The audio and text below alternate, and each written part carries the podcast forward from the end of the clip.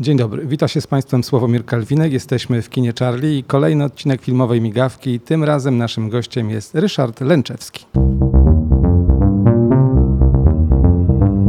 To jest podcast WFO. E, Tak jak powiedziałem, ten odgłos, który państwu, Państwo słyszycie, to są działające maszyny, projektory i ludzie, którzy będą zapewne tutaj we foyer kina przechodzili, także proszę mi to wybaczyć, nam to wybaczyć, ale przejdźmy może do naszego gościa, Ryszarda Lęczewskiego, który tutaj jest z nami dlatego, że jest wyjątkowa okazja w kinie Charlie. Prezentowane jest Kawalerskie Życie na Obczyźnie, film Andrzeja Barańskiego ze zdjęciami naszego gościa, e, ale o tym za chwileczkę. Zapraszam do posłuchania podcastu. To jest podcast WFO. Dzień dobry Ryszardzie. Dzień dobry.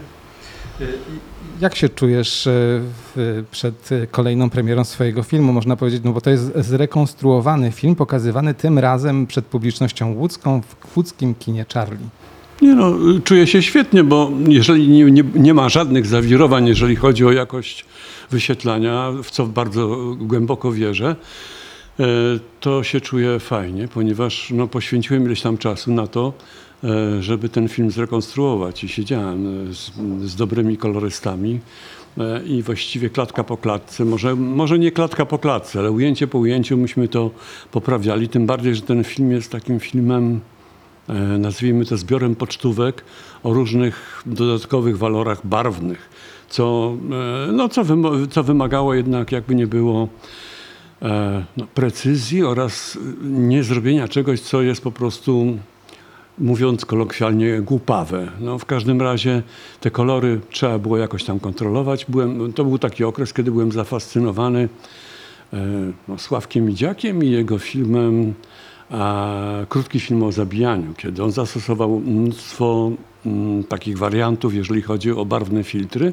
I tak się z, z, złożyło, że Andrzej Barański zaproponował mi zdjęcia do, do kawalerskiego życia na obczyźnie, gdzie nagle się okazało, że mogę też powalczyć z różnymi filtrami, z różnymi barwami, z różnymi zabiegami, które spowodują, że ten obraz nie będzie taki typowy, po prostu, e, po prostu film barwny i tylko.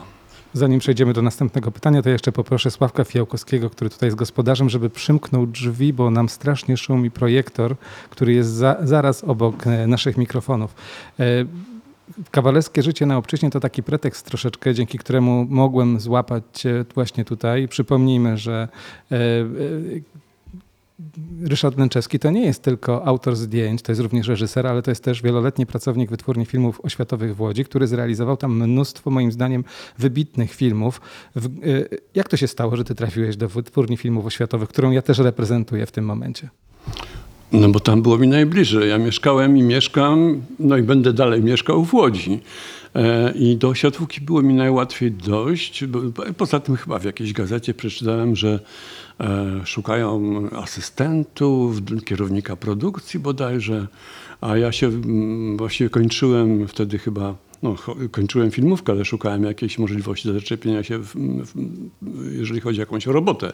Ale miałem to szczęście, że ktoś inny, już teraz nie gazeta, tylko jeden z moich kolegów powiedział, że Bogdan Dziworski będzie robił film pod tytułem e, Podróże Telemana od żar do pszczyny. I on tam szukał asystenta reżysera. No i tak się złożyło, jak zwykle, to zwykle tak się zdarza i sportowcom, i operatorom, e, że wchodzi się na czyjeś miejsce w momencie, kiedy ktoś e, jest kontuzjowany albo zejdzie z boiska i tak dalej, i tak dalej. E, y, Bogdanowi Dziworskiemu miał pomagać bodajże Andrzej Nawrocki, ale tak się ułożyło, że miał jakieś duże komplikacje, jeżeli chodzi o życie rodzinne i nie pojechał na pierwsze uciekające zdjęcia. Pojechaliśmy razem z Bogdanem do Poznania. Tak, do Poznania i w Poznaniu mieliśmy nakręcić sekwencję e, takiego napełniania balonu. Napełniania balonu, które później będzie podróżował właśnie od żar do pszczyny. E, Ja, mm, no, będąc zafascynowany Bogdanem, y, to przede wszystkim w jaki sposób trafiłem do jego filmu, w jaki sposób dostałem angaż. To być może to jest ciekawe dla młodych, dla młodych adeptów y, sztuki operatorskiej. Mianowicie poszedłem do, do oświatówki, przedstawiono mnie Bogdanowi, On, pogadaliśmy parę, no nie wiem, minutę czy dwie w barku na dole. On mówi, słuchaj, wiesz co, nie, ty przyjdź jutro, przynieś swoje zdjęcia, fotografie.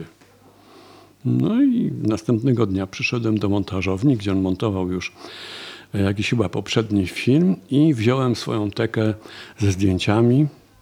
Pokazałem zdjęcia. Pokazałem mu zdjęcia gdzieś chyba przy trzecim, czwartym zdjęciu a Bodzio spojrzał na nie, a to były takie dwa parany, dziwnie biegnące, dziwnie skulone i w takim lasku, który, e, w lasku, a może sadzie, który w ogóle nie miał, nie miał liści, czyli to było robione albo w przedwiośnie, albo późną jesienią. W każdym razie to zdjęcie przykuło jego uwagę. E, Zadał mi pytanie, jakim aparatem robiłem, z jakim obiektywem. Ja mu odpowiedziałem, on mówi, fajnie, no to jesteś u mnie w ekipie. No i teraz wracam do tego balonu. E, Miałem to szczęście, że poprzedniego dnia, kiedy przyjechaliśmy do, do Poznania, e, poszliśmy do jakiegoś klubu studenckiego i jak to się mówi, mm, Bodzio dużo tańczył. I następnego dnia, kiedy trzeba było nakręcić ten balon, to no to e, ja, jeszcze jest jedna sprawa. Żeby nakręcić ten balon, to ja wpadłem na taki pomysł, żeby wziąć wiziernik od drzwi, założyć go na obiektyw i mieć coś w rodzaju fiszaja, ponieważ ten, czyli taki obiektyw jak rybie oko, który dobrze e, kadrował balon, który będzie rósł. To mogłem sobie gdzieś tam antycypować, że to będzie wypełniało cały kadr. No i dobrze, mi to zaproponowałem, że będziemy tak to robili Bodziowi. Bodzio natychmiast na to przystał. Technika zdjęciowa w Osiotówce, gdzie byli świetni ludzie, między innymi e, inżynier Jaworski i wkręcono mi ten, tego, tego mojego fiszaja w obiektyw i mogłem pojechać na zdjęcia.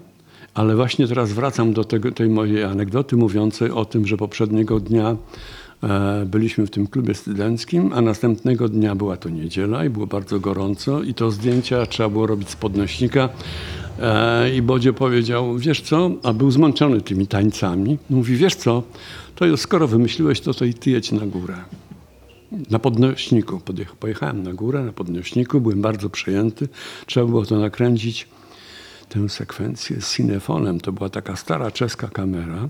A dlaczego z cinefonem? Ponieważ cinefon miał w sobie system, e, który pozwalał na robienie e, przenikań w kamerze. Przenikań, czyli teraz to przenikanie to można elektronicznie zrobić, to w ogóle nie ma żadnego najmniejszego problemu. A wtedy się robiło w ten sposób, że przenikanie trwało dokładnie 96 klatek i przez te 96 klatek należało e, zamykać sektor, czyli ściemniać, następnie korbką dokładnie cofnąć te 96 klatek i następne ujęcie trzeba było przez te 96 klatek rozjaśniać tym sektorem. Czyli to wszystko wymagało wielkiej precyzji. A robili, robiłem to po raz pierwszy, właściwie profesjonalny film jako operator w tym momencie. Było gorąco, no dobrze, ale jakoś się skupiłem. Udało mi się kilkanaście, może nie, może nie kilkanaście, ale kilka razy zrobić przenikania. To tylko czterosekundowe były te przeniki, nie było innych? Tak, tylko Tylko nie, no, taka, taka była zasada. W każdym razie w taka była zasada, ponieważ te 96 klatek to była, nie wiem, podobno najlepsza. Nie wiem, kto to wymyślił. Mo, mo, można oczywiście dyskutować, robić dyskusję ade- akademicką, że to jest załóżmy 4 sekundy, 6 czy 8. Wtedy pamiętam 96 klatek, będę pamiętał do końca życia.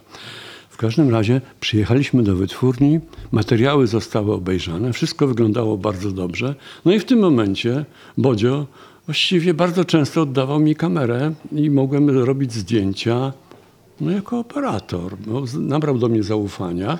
No i w czołówce pojawiłem się jako, jako współautor zdjęć. To było dla mnie wspaniałe, a jednocześnie, a jednocześnie e, za, to zaowocowało jeszcze jedną rzeczą, że następny film, który robił, czyli Pięciobój Nowoczesny, zaproponował mi też współpracę, gdzie też robiliśmy do, do spóły, że tak powiem, zdjęcia.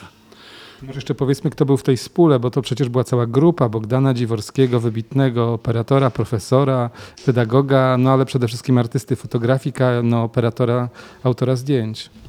E, Wiesz, to, to, to, była taka, to była taka spółka, można powiedzieć, że była taka grupa Dziworskiego, bo później do, tego, do nas dołączył, e, e, jak robiliśmy hokej, to ja przyprowadziłem Krzysia Ptaka.